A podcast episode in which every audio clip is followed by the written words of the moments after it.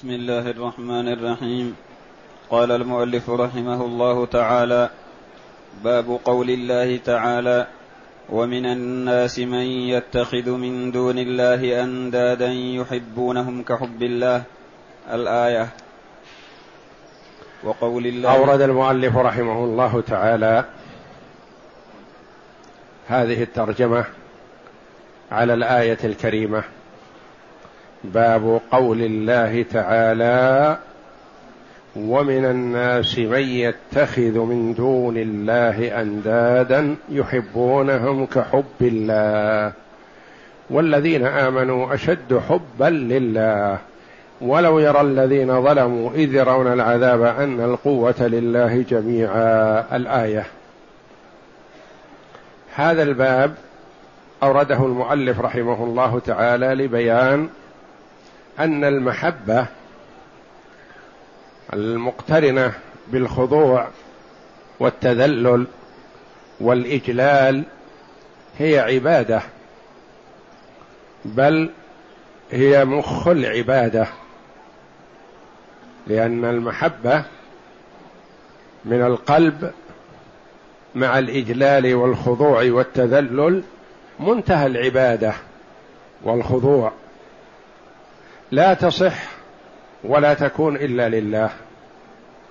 فمن اتخذ محبوبا يحبه كحب الله محبة إجلال وتعظيم وخضوع وتذلل فقد أشرك في العبادة. يبين جل وعلا أن من الناس يعني من الكفار من يتخذ من دون الله يعني من غير الله يتخذ غير الله. أندادا الند الشبيه والنظير يتخذون أندادا لله. يحبونهم كحب الله يعني يشركون بينهم وبين الله جل وعلا في المحبة في محبة الخضوع والتذلل.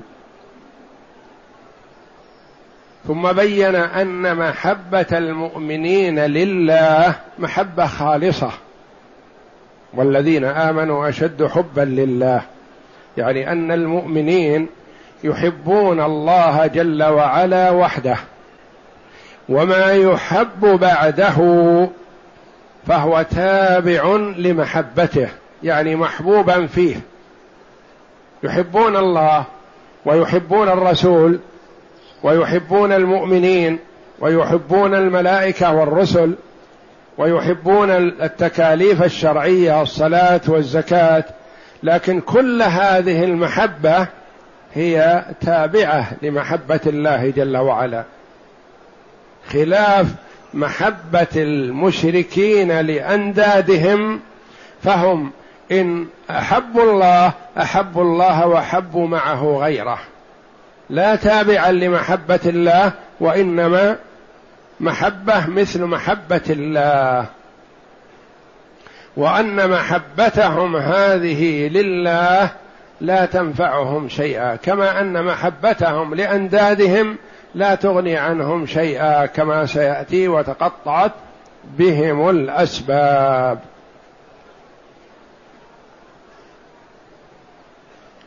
والمحبة محبة إجلال وتعظيم وخضوع وتذلل هذه عبادة. ومحبة طبيعية جبل عليها الإنسان. محبة الوالد والولد والمال والطعام والشراب وغير ذلك من ملاذ النفس. هذه لا تؤثر على محبة الله جل وعلا لأن هذه المحبة محبة جبلة طبيعية. جبل الله جل وعلا الخلق عليها. كما أن الخوف من السبع والعدو والعقرب والحية لا يؤثر على الخوف من الله جل وعلا. لأن الخوف من الله جل وعلا خوف إجلال وتعظيم. والخوف من المؤذيات خوف جبلي.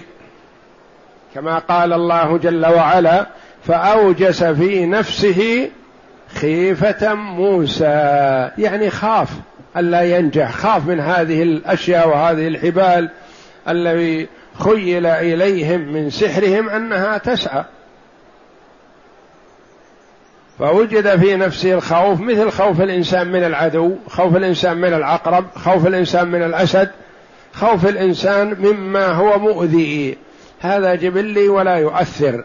كذلك محبة الإنسان للأشياء الجبلية التي طبع عليها كمحبة الوالد والولد والزوجة والطعام والشراب وغير ذلك هذه لا تؤثر على محبه التوحيد وتعظيم الله جل وعلا. ومن الناس من يتخذ من دون الله أندادا المراد بهم المشركون. يحبونهم كحب الله والذين آمنوا أشد حبا لله. لذلك أن المؤمنين محبتهم خالصة. خالصة لله. وأولئك وزعوا محبتهم بين الله وبين أندادهم بل الكثير منهم يعظم آلهته والأنداد التي اتخذها أكثر من تعظيمه لله. لأن الكثير من هؤلاء مثلا إذا قيل له احلف بالله أقدم على الحلف واليمين سواء كان صادق أو كاذب. ما يبالي. وإذا قيل له احلف بالند الذي اتخذته مع الله احلف بالسيد احلف بصاحب الضريح احلف بالولي ما يحلف إلا بعد أن يتأكد من صحة نفسه لأنه يخشى من ضرر هذا السيد كما يزعم أو الولي أو صاحب الضريح ما لا يخشى من الله. فهم محبتهم لأندادهم أعظم وهذا هو الشرك الأكبر. والمحبة هذه هذا النوع من المحبة للأنداد منافية للتوحيد.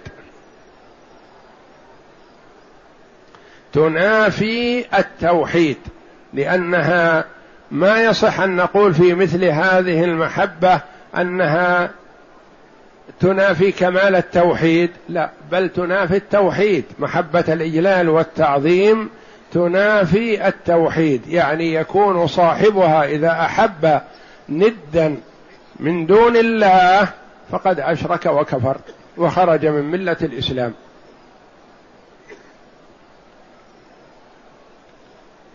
نعم.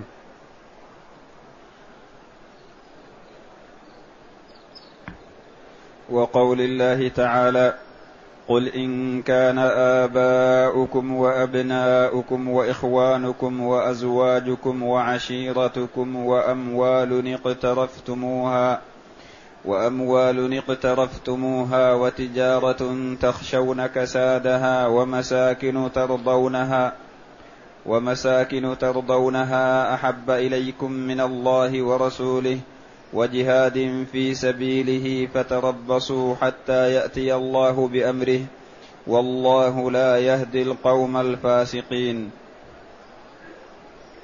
وقول الله جل وعلا قل إن كان آباؤكم قل إن كان آباؤكم وأبناؤكم وإخوانكم وأزواجكم وعشيرتكم وأموال اقترفتموها.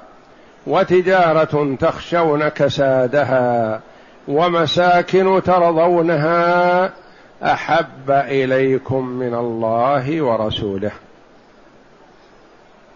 إن كانت هذه الأشياء الثمانية أحب إليكم من الله ورسوله. أحب هو خبر كان. قل إن كانت قل إن كان آباؤكم. آباؤكم وما عطف عليه اسم كان. إن كان آباؤكم وما عطف عليه أحب إليكم من الله ورسوله. ثم قال والله لا يهدي القوم الفاسقين. قد يقول قائل هل يلام المرء على محبة هذه الأشياء؟ نقول لا.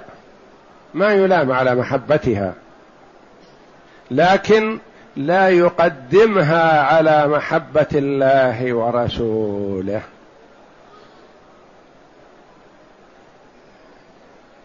إذا أمرك أبوك بالشرك بالله والله جل وعلا أمرك بتوحيده. فأطعت أباك فقد قدمت محبة أبيك وطاعته على طاعة الله ورسوله. إذا أمرك من أمرك بمعصية الله جل وعلا واطعته فقد قدمت طاعته ومحبته على طاعة الله ورسوله ومحبته. فأنت غير منهي بأن تحب هذه الأشياء لكن يجب أن تكون محبتك لهذه الأشياء تابعة لمحبة الله ورسوله. أحب الله وأعبد الله وأخلص العبادة لله وأطع أباك. وأحب ابنك. لكن إذا تخالفتا أمرك الله بشيء وأمرك أبوك بشيء. فتطيع الله جل وعلا ولو عصيت أباك. وإن جاهداك على أن تشرك بي ما ليس لك به علم فلا تطعهما.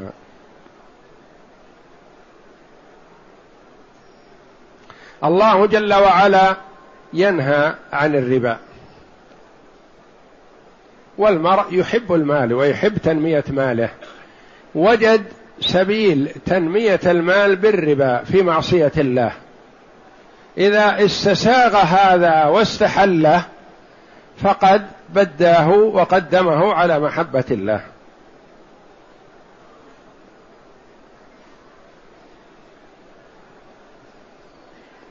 إذا كان إقامتك في البلد تضطرك إلى الشرك بالله ومعصية الله.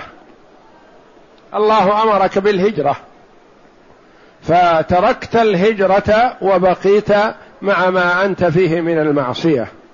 فقد آثرت محبة البلاد على محبة الله وطاعته. فالله جل وعلا يتوعد من قدم هذه الأشياء الثمانية أو غيرها. لأن هذه أخص ما يكون.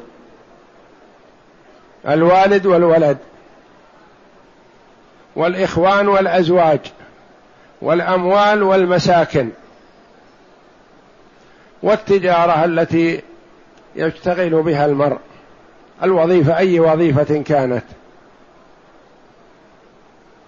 إذا فضلها على طاعة الله فهو متوعد بهذا الوعيد.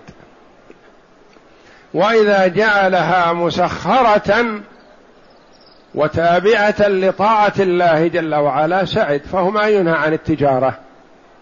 يؤمر بالتجارة والرزق وطلب الرزق. لكن تكون تجارته تابعة لمحبة الله بحيث لا تعصي الله في هذه التجارة. لا تغش لا تخادع لا ترابي. لا تبيع المحرم وهكذا.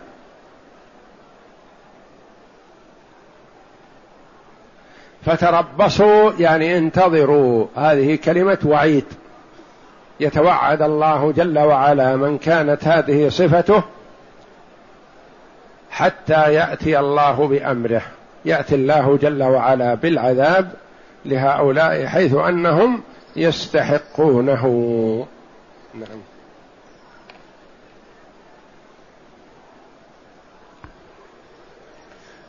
عن أنس رضي الله عنه أن رسول الله صلى الله عليه وسلم قال لا يؤمن أحدكم حتى أكون أحب إليه من ولده ووالده والناس أجمعين. أخرجاه. عن أنس بن مالك رضي الله عنه قال قال رسول الله صلى الله عليه وسلم لا يؤمن أحدكم حتى أكون أحب إليه. لا يؤمن يعني نفي الإيمان مطلقه أو نفي الإيمان الكامل. قولان للعلماء رحمهم الله وهو بحسب ما في نفسه نحو هؤلاء والظاهر والله أعلم المراد الإيمان الكامل. وإلا قد يوجد الإيمان مع من آثر هؤلاء على محبة رسول الله صلى الله عليه وسلم. لا يؤمن أحدكم الإيمان الكامل حتى أكون أحب إليه من ولده ووالده لأن تعلق الإنسان بولده أكثر من تعلقه بوالده ولده ووالده والناس أجمعين. يعني يكون يحب سنة رسول الله صلى الله عليه وسلم أكثر من محبته لهؤلاء. قال عمر بن الخطاب رضي الله عنه للنبي صلى الله عليه وسلم إنك لأحب إلي من كل شيء إلا من نفسي. يقول أنت يا رسول الله أحب إلي من كل شيء إلا من نفسي. فقال النبي صلى الله عليه وسلم لا والذي نفسي بيده حتى أكون أحب إليك من نفسك.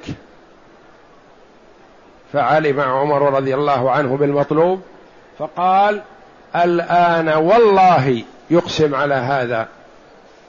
والله لأنت أحب إلي من نفسي. فقال النبي صلى الله عليه وسلم الآن يا عمر يعني الآن كمل إيمانك؟ ودل على أن المحبة تزيد وتنقص وقابلة للزيادة وقابلة للنقص وقابلة للفقدان لأن الإنسان قد يحب المرء ثم تنقلب محبته له كراهية فيما بعد لسبب من الأسباب. وقد يكون يكره المرء ثم تنقلب هذه الكراهية محبة فيما بعد.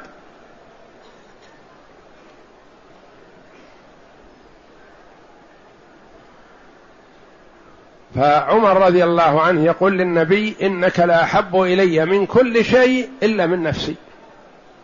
فقال النبي صلى الله عليه وسلم يا عمر لا والله يا عمر والذي نفسي بيده حتى أكون أحب إليك من نفسك. فعلم عمر رضي الله عنه بما يجب فقال والله لأنت أحب إلي من نفسي. فقال الآن يا عمر يعني كمل إيمانك. والله أعلم. اقرأ.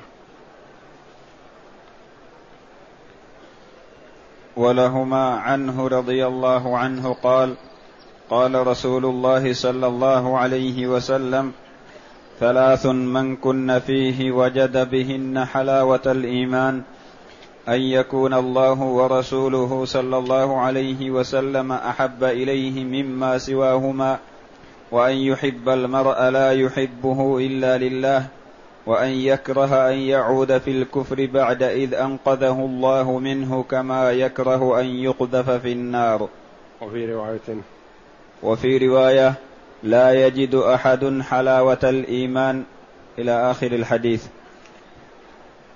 ولهما أي للبخاري ومسلم عنه عن أنس بن مالك رضي الله عنه. قال قال رسول الله صلى الله عليه وسلم ثلاث من كن فيه وجد بهن حلاوة الإيمان. دل على أن للإيمان حلاوة. إذا تمكن الإيمان من القلب وجد الإنسان لذلك حلاوة. حلاوة ليست في اللسان وإنما هي حلاوة طمأنينة.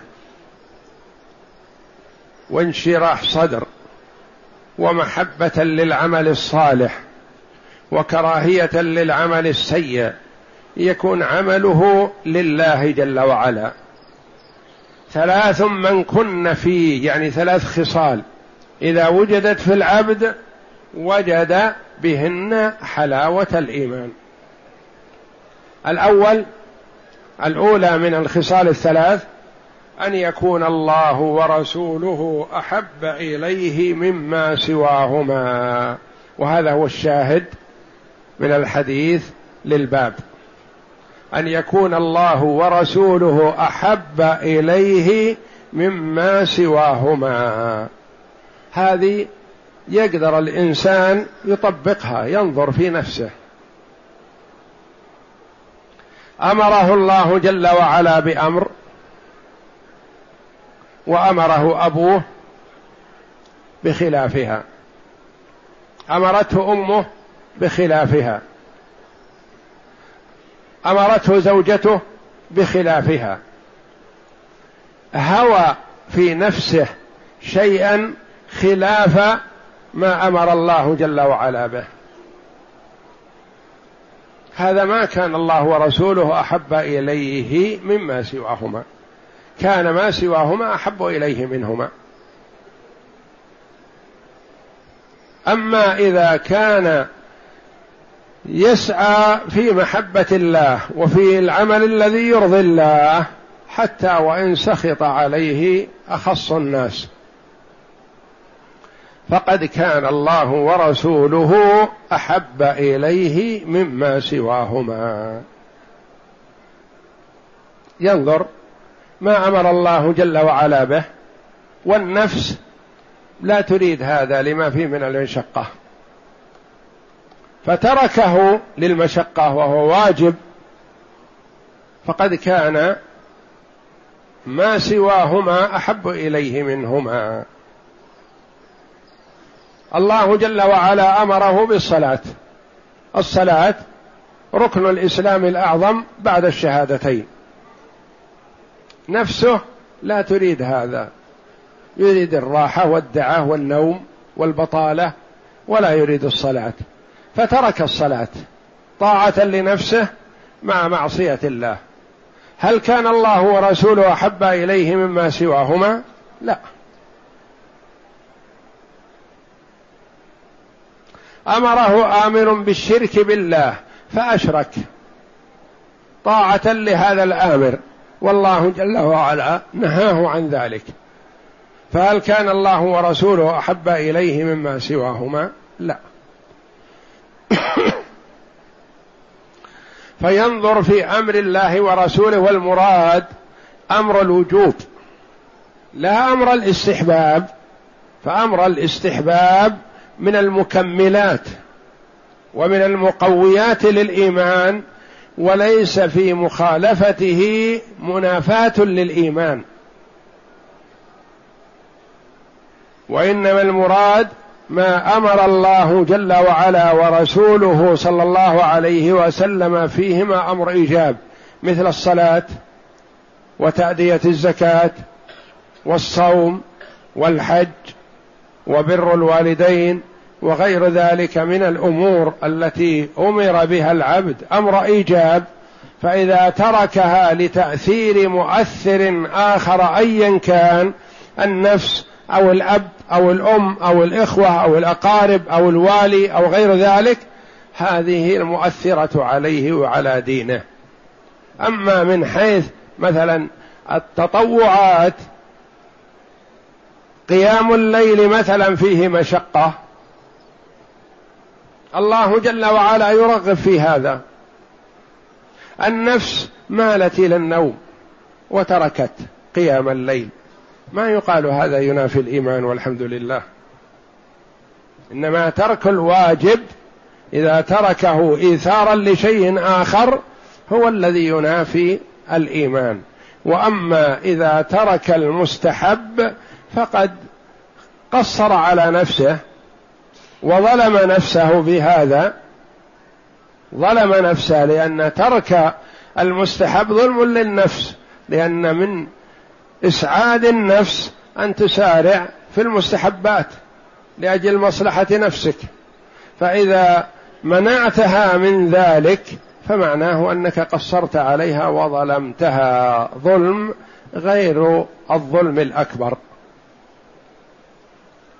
أن يكون الله ورسوله أحب إليه مما سواهما.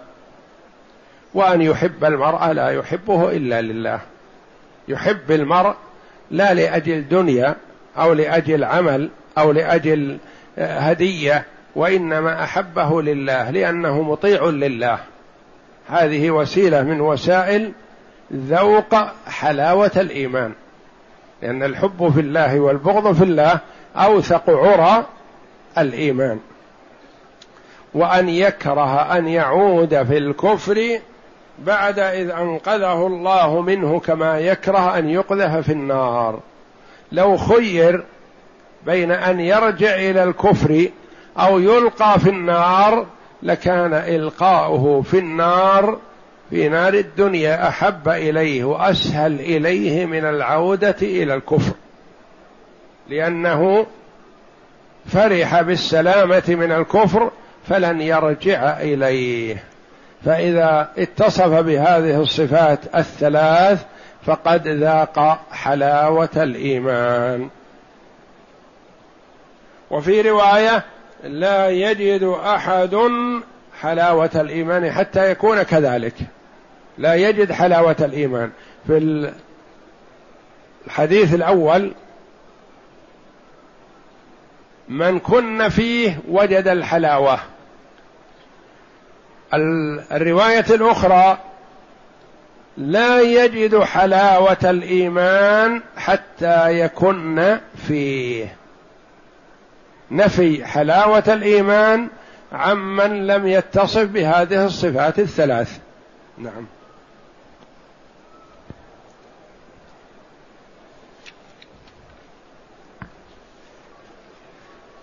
وعن ابن عباس رضي الله عنهما قال من أحب في الله وأبغض في الله ووالى في الله وعادى في الله فإنما تنال ولاية الله ولاية, ب...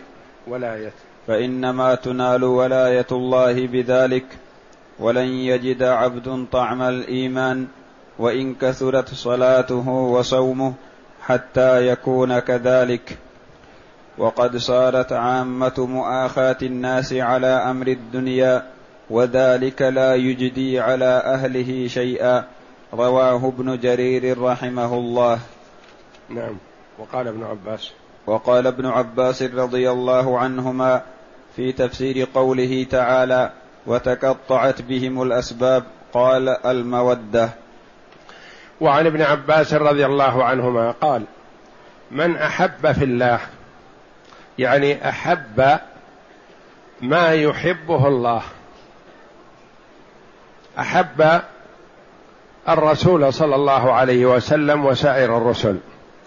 أحب الملائكة أحب القرآن أحب الصلاة أحب الزكاة أحب الأعمال التي يحبها الله جل وعلا. من أحب في الله أحب المؤمنين لأنهم أولياء الله وأحباب الله. وأبغض في الله أبغض المشركين والكفار. والفساق وسائر المحاربين لله ولرسوله وللمؤمنين. أبغضهم وإن لم ينله منهم أذى وإنما أبغضهم لله.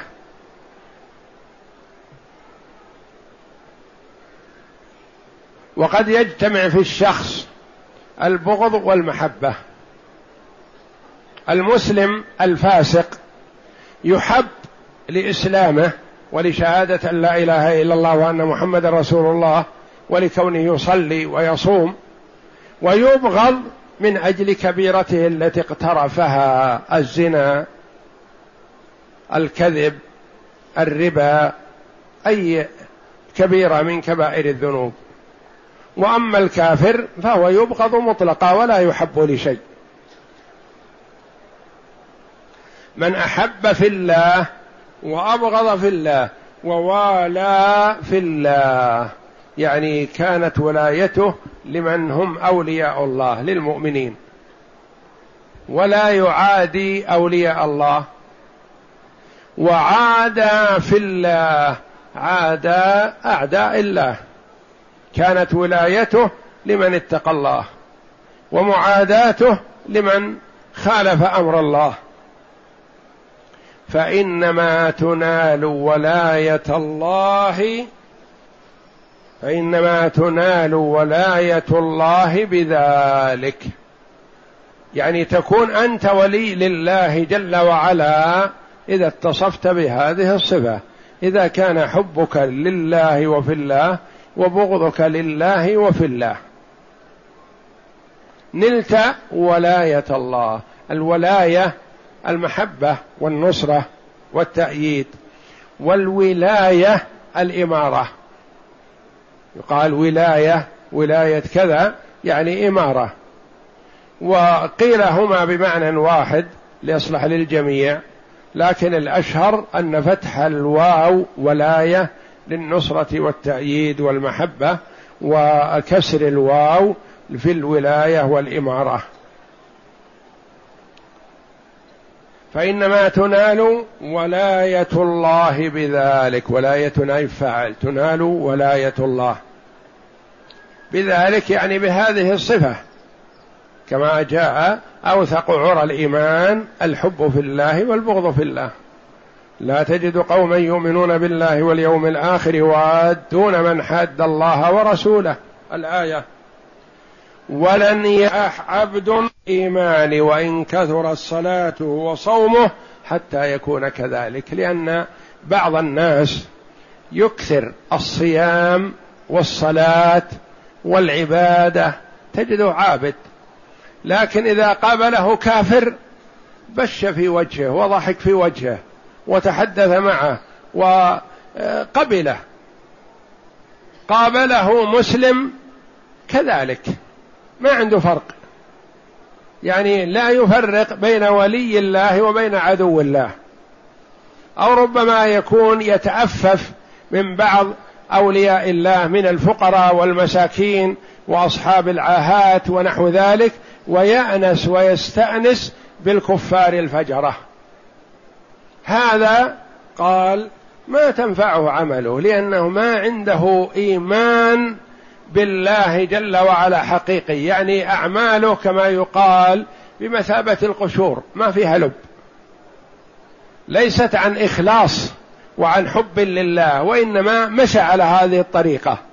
مشى على هذه أنه يصلي ويصوم وكذا وكذا لكن عدو الله وولي الله عنده سواء.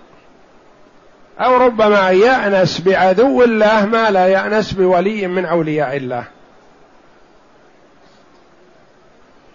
ولن يجد عبد طعم الإيمان وإن كثرت صلاته وصومه حتى يكون كذلك.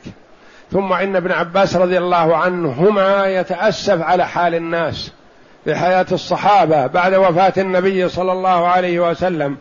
يقول وقد صارت عامة مواخاة الناس على أمر الدنيا.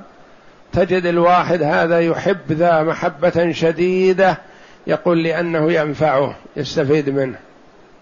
وهذا كرهه لأنه ضره في أمر من أمور دنياه. صارت عامة محبة الناس يعني الكثير من الناس كانت محبتهم وبغضهم كله من أجل الدنيا. وذلك يعني هذه المحبة وذلك لا يجدي على أهله شيئا ما ينفعهم عند الله جل وعلا. إذا كانت المحبة على أساس الدنيا فهي لا قيمة لها عند الله جل وعلا يوم القيامة. وقال ابن عباس رضي الله عنهما وتقطعت بهم الأسباب قال المودة. في قوله تعالى إذ تبرأ الذين اتبعوا من الذين اتبعوا ورأوا العذاب وتقطعت بهم الأسباب. ما هي الأسباب؟ المودة. يعني كانوا متعلقين بأسباب. كانوا متعلقين بأسباب. انقطعت هذه الأسباب. الأسباب الحبال الموصلة. انقطعت. انقطعت هذه المودة. يعني كانوا في الدنيا يتبعونهم ويطيعونهم ويأتمرون بأمرهم وينتهون عن نهيهم. فيوم القيامة يجمع الله جل وعلا بينهم فيتبرأ الذين اتبعوا من الذين اتبعوا. يقولون ما بيدنا لكم شيء ولا نستطيع أن ننفعكم بشيء. نحن وإياكم سواء بين يدي الله جل وعلا تبرأوا منهم. فتقطعت بهم الأسباب يعني كانوا متمسكين بأسباب التي هي المحبة والمودة كانوا متعلقين بها يظنون أنها أن تنفعهم في الدار الآخرة فانقطعت. فالإنسان إذا تعلق بغير الله جل وعلا انقطع به في وقت أحوج ما يكون إليه. فالمرء يتعلق بآخر مثلا في الدنيا فيظهر له عدم رغبته فيه. انقطعت الأسباب لكن يمكن يصلها من جانب آخر يمكن يقبل على طاعة الله فيكون خيرا له. لكن تقطعت الأسباب متى؟ يوم القيامة. ما يمكنه أن يتعلق بالله في ذلك الوقت. انتهى. فالعبد مأمور بأن يكون تعلقه بالله جل وعلا. فإذا تعلق بالله جل وعلا وبطاعة الله وبمحبة الله ومحبة أولياء الله نفعته هذه بإذن الله. كما قال الله جل وعلا الأخلاء يومئذ بعضهم لبعض عدو إلا إلا المتقين. محبتهم دائمة مستمرة ما تنقطع لأنهم احبوا بعضهم بعضا في الله. وقد قال النبي صلى الله عليه وسلم سبعة يظلهم الله في ظله يوم القيامة. رجلان تحابا في الله اجتمعا على ذلك وتفرقا عليه. أحبه لله فنفعته هذه المحبة عند الله جل وعلا لأنها محبة عبادة هذه. عبادة لا للشخص وإنما عبادة لله محبة من أجل الله. فيحذر الله جل وعلا عباده من أن يتعلقوا بمن لا ينفعهم في الدار الآخرة. وعلى العبد أن يتعلق بالله جل وعلا وبطاعة الله وبأولياء الله على أساس محبة لله طاعة لله لا أنهم ينفعونه وإنما أحبهم من أجل الله. والله أعلم وصلى الله وسلم وبارك على عبده ورسول نبينا محمد وعلى آله وصحبه أجمعين.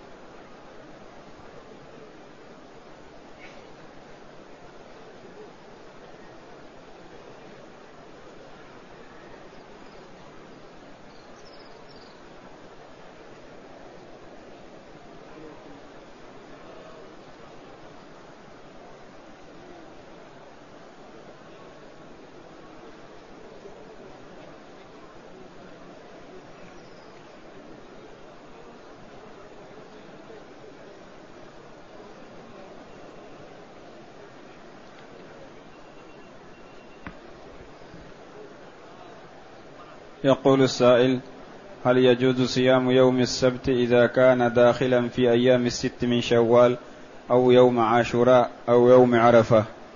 نعم يا أخي إنما يكره صيام يوم السبت لكونه يوم السبت. أما إذا صمته الست من شوال أو من أيام البيض أو يوم عرفة أو يوم عاشوراء فلا بأس بصيامه.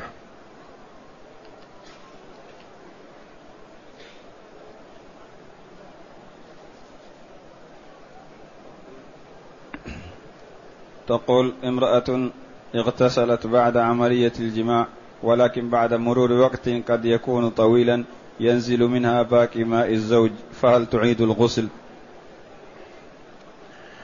إذا اغتسل الرجل أو المرأة بعد الجماع كفاه هذا الاغتسال فإن خرج منه شيء بعد هذا فيعتبر ناقضا للوضوء. لأن ما خرج من السبيلين ناقض للوضوء أيا كان. فهذه السائلة تقول بعد مرور زمن وقد يكون ساعات يخرج بقية ماء الزوج مثلا. فهذا يعتبر ناقض للوضوء وليس موجبا للغسل.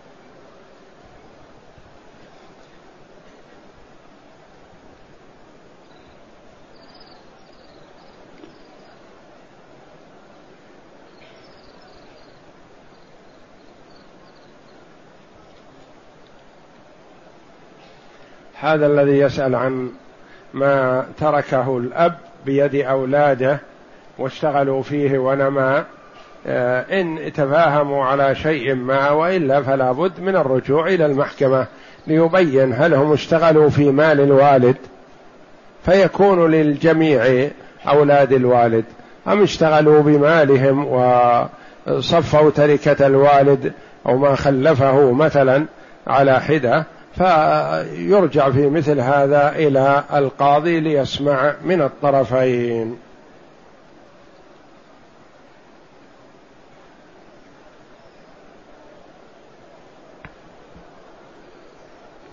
يقول هل تحية المسجد تصلى قبل أذان المغرب بقليل؟ نعم لقوله صلى الله عليه وسلم إذا دخل أحدكم المسجد فلا يجلس حتى يصلي ركعتين.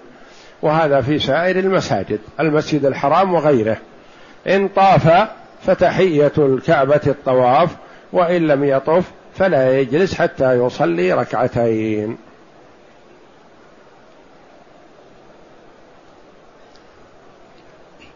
يقول ما حكم صلاة الشروق وصلاة الضحى؟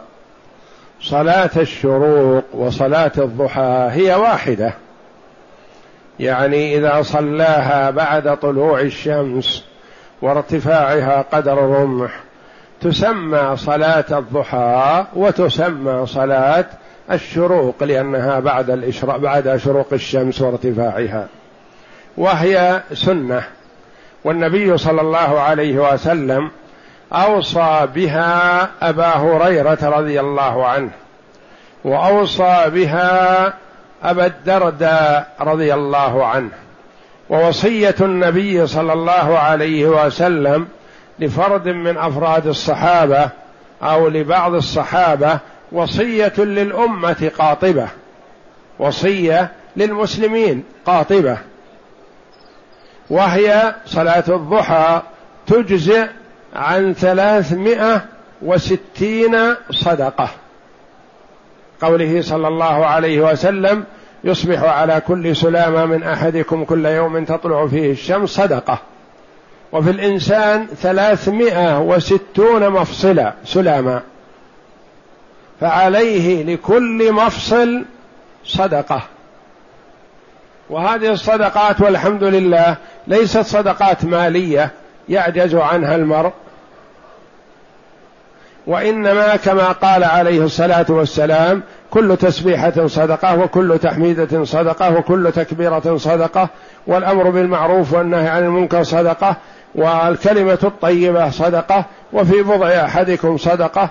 وقال عليه الصلاة والسلام ويكفي من ذلك ركعتان يركعهما من الضحى.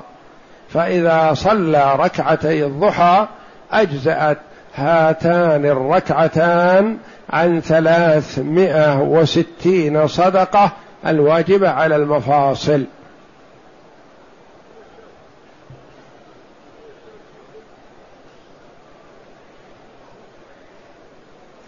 يقول ما حكم صلاة التسابيح؟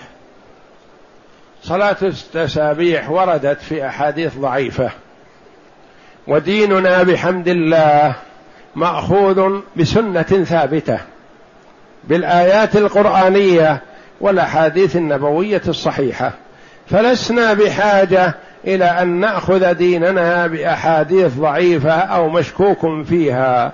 فلذا نهى عنها كثير من العلماء رحمهم الله. قالوا إنها لم تثبت في أحاديث صحيحة فلا ينبغي الأخذ بها. وإذا أخذ المسلم بما ثبت في سنة رسول الله صلى الله عليه وسلم من الصلوات فرضا ونفلا كفاه ذلك بإذن الله.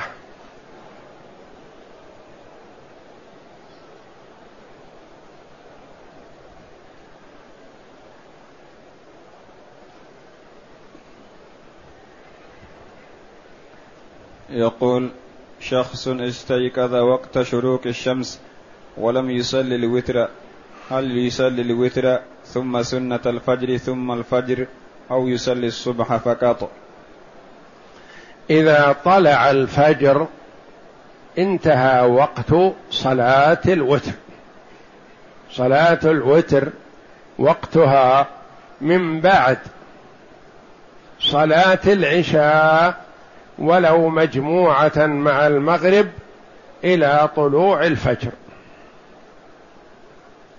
مسافر أو مريض صلى المغرب بعد غروب الشمس ثم صلى العشاء لسفره أو مرضه جمع. له أن يصلي الوتر ولو أن الناس لم يصلوا المغرب بعد. ووقتها من بعد صلاة العشاء. ولو أن صلاة العشاء مجموعة مع المغرب. إلى طلوع الفجر. فإذا طلع الفجر انتهى وقت صلاة الوتر. وله أن يقضيها ضحى شفعا لا وترا. إذا كان يوتر عادة بثلاث أو بخمس أو بسبع أو بتسع أو بإحدى عشرة وأراد أن يقضيها ضحى فيقضيها شفعا. يصلي ركعتين ركعتين أو ركعتين ركعتين ركعتين أو أكثر من ذلك ركعتين. ولا يصلي وترا. النهار ليس محلا للوتر وإنما يقضى فيه الوتر شفعا ركعتين ركعتين. إذا كان يوتر بإحدى عشرة مثلا يقضيها اثنتي عشرة ركعة يسلم من كل ركعتين.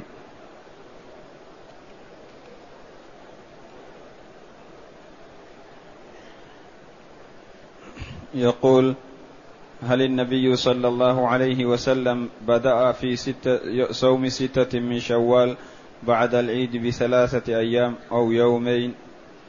النبي صلى الله عليه وسلم قال في حديث أبي أيوب الأنصاري رضي الله عنه من صام رمضان ثم أتبعه ستا من شوال كان كمن صام الدهر.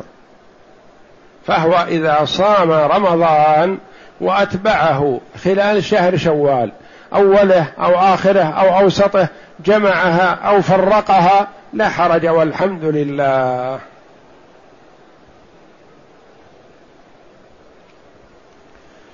يقول ما الفرق بين الضرورة والحاجة؟ الضرورة ما كان مضطرا إليه والحاجة ما كان محتاج وليس مضطر. فمثلا إنسان ما عنده ما يأكله يموت جوعا أو يأكل الميتة. نقول هذا ضرورة يأكل الميتة. إنسان محتاج للطعام لكن لا ضرورة. يستطيع يصبر. يأكل من الميتة؟ لا. لانها الميتة لا تحل إلا للضرورة ولا تحل للحاجة وإنما تحل للميتة للضرورة الملحة.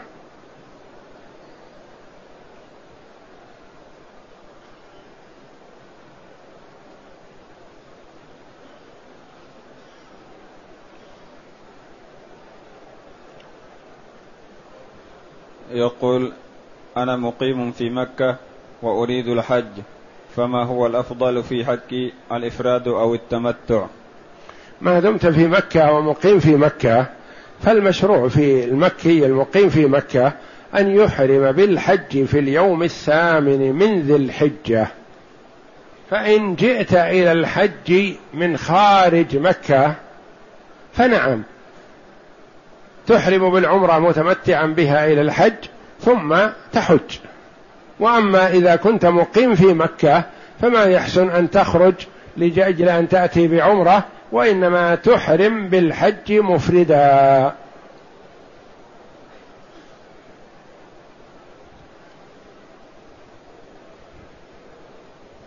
يقول هل يجوز الحج عن أخي الذي لا يصلي؟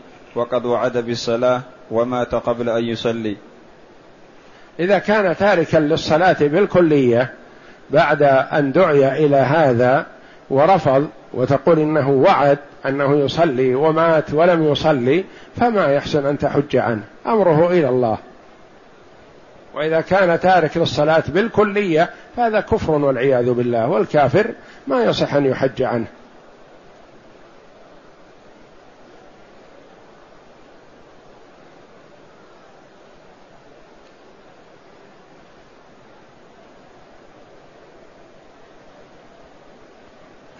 يقول ما حكم الوليمة بعد الرجوع من العمرة دون ما اعتقاد فيها وإنما الجمع للأهل والأقارب فقط وصلة الرحم؟ لا حرج في هذا والحمد لله لأنها من باب الشكر لله جل وعلا على أن يسر للإنسان العمرة والعودة بالسلامة فيشكر الله جل وعلا فيعمل الوليمة أو يعمل له أحد أقاربه ابتهاجا بقدومه فهذا من المباحات. ولا يعتبر تعتبر الوليمة بعد العودة من الحج أو من العمرة من السنن كما لا تعتبر من البدع وإنما هي من المباحات. إن عملها الإنسان ونوى بذلك الشكر لله جل وعلا فحسن وإن لم يعمل شيئا فلا بأس.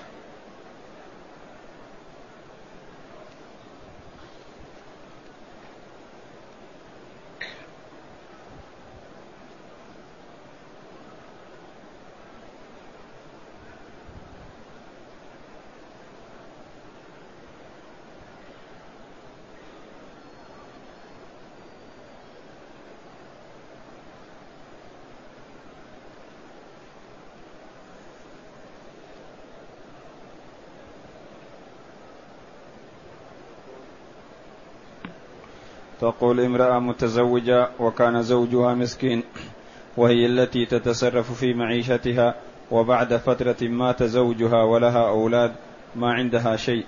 وهل تستطيع قبل انقضاء عدتها أن تعمل لنفقتها؟ وإن جلست لعدتها ما عندها نفقة؟ يصيبها جوع. العدة عدة الوفاة تجنب الزينة والحداد تجنب الزينة وما يدعو إلى نكاحها. وأما خروج المرأة نهارا لا ليلا لطلب معيشتها أو لحاجتها الخاصة أو لعملها إذا كان عملها في محيط النساء فلا بأس عليها بهذا. فهي لم تمنع من آه، مغادرة البيت وإنما لها أن تخرج لحاجتها وما هي محتاجة إليه وتتجنب الزينة.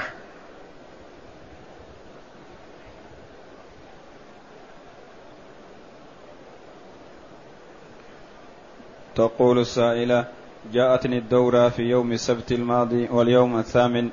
من المفروض أن أغتسل مثل كل مرة ولكن هذه المرة يوجد دم كثير كأنها اليوم في بدايتها. فما هو الحكم علما كنت أبتلع الحبوب لتأخير الدورة؟ هذا لا يخلو. إن كان مستوي الحال من بدايتها إلى اليوم والدم على صفة واحدة دم حيض أسود ثخين ممتن منتن فتجلسه. تكون زادت حيضتها.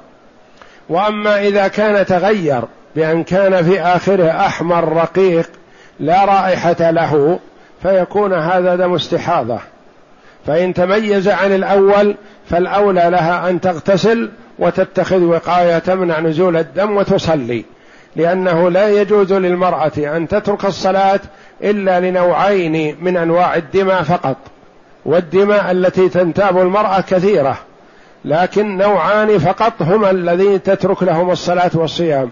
دم الحيض الصريح ودم النفاس. وما عدا ذلك تصلي. فيجوز أن هذا الدم منها نتيجة استعمال هذه الحبوب التي تستعملها. فزاد دمها وصار استحاضة أو نوعا منها. أو نزيف أو نوعا منه. يعني ليس دم حيض. فحينئذ إذا تميز واختلف عن الأول فالأولى لها أن تغتسل وتتخذ وقاية تمنع نزول الدم وتصلي. فإذا انقطع بالكلية تغتسل له. والله أعلم. وصلى الله وسلم وبارك على عبده ورسول نبينا محمد وعلى آله وصحبه أجمعين.